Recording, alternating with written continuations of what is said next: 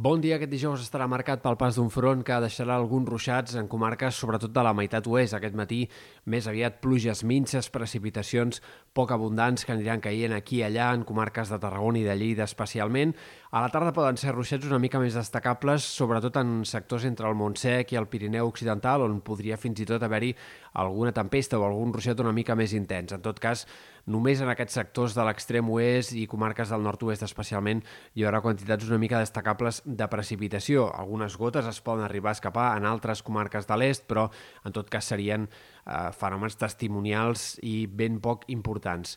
Això sí, el dia amb força intervals de núvols avui, més compactes, òbviament, a l'oest, una mica més esqueixats a l'est, i seguirà bufant el vent d'entre Ponent i Garbí, amb cops de 30-40 km per hora en molts indrets. Al migdia la temperatura no serà tan alta com en dies anteriors, però les màximes com a molt baixaran un o dos graus. De cara als pròxims dies haurem d'estar pendents de diverses coses. En primer lloc, de les ventades que aquest divendres i dissabte es deixaran sentir en moltes comarques centrals i del sud. Cops de vent que arribaran a superar els 70 o 80 km per hora en alguns casos, tant insistim aquest divendres com també encara fins dissabte al matí migdia. El Meteocat té actius diversos avisos per vent, especialment de cara a aquest divendres el perill es considera alt en sectors de la Noia, l'Alt Penedès, la Sagarra i l'Urgell tot i que l'avís afecta moltes més comarques del Pirineu, a comarques prelitorals de Tarragona, de Barcelona, fins i tot sectors del Camp de Tarragona.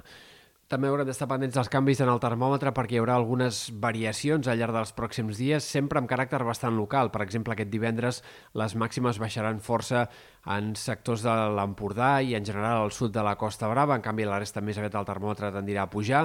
Aquest dissabte la majoria de comarques serà el dia més càlid de la setmana, amb màximes que arribaran a superar els 25 graus, tot i que el vent pugui rebaixar una mica la sensació tèrmica en aquestes comarques eh, doncs, centrals i del sud i només en alguns sectors del Pirineu aquest dissabte la temperatura es quedarà una mica més curta a causa de l'augment dels núvols.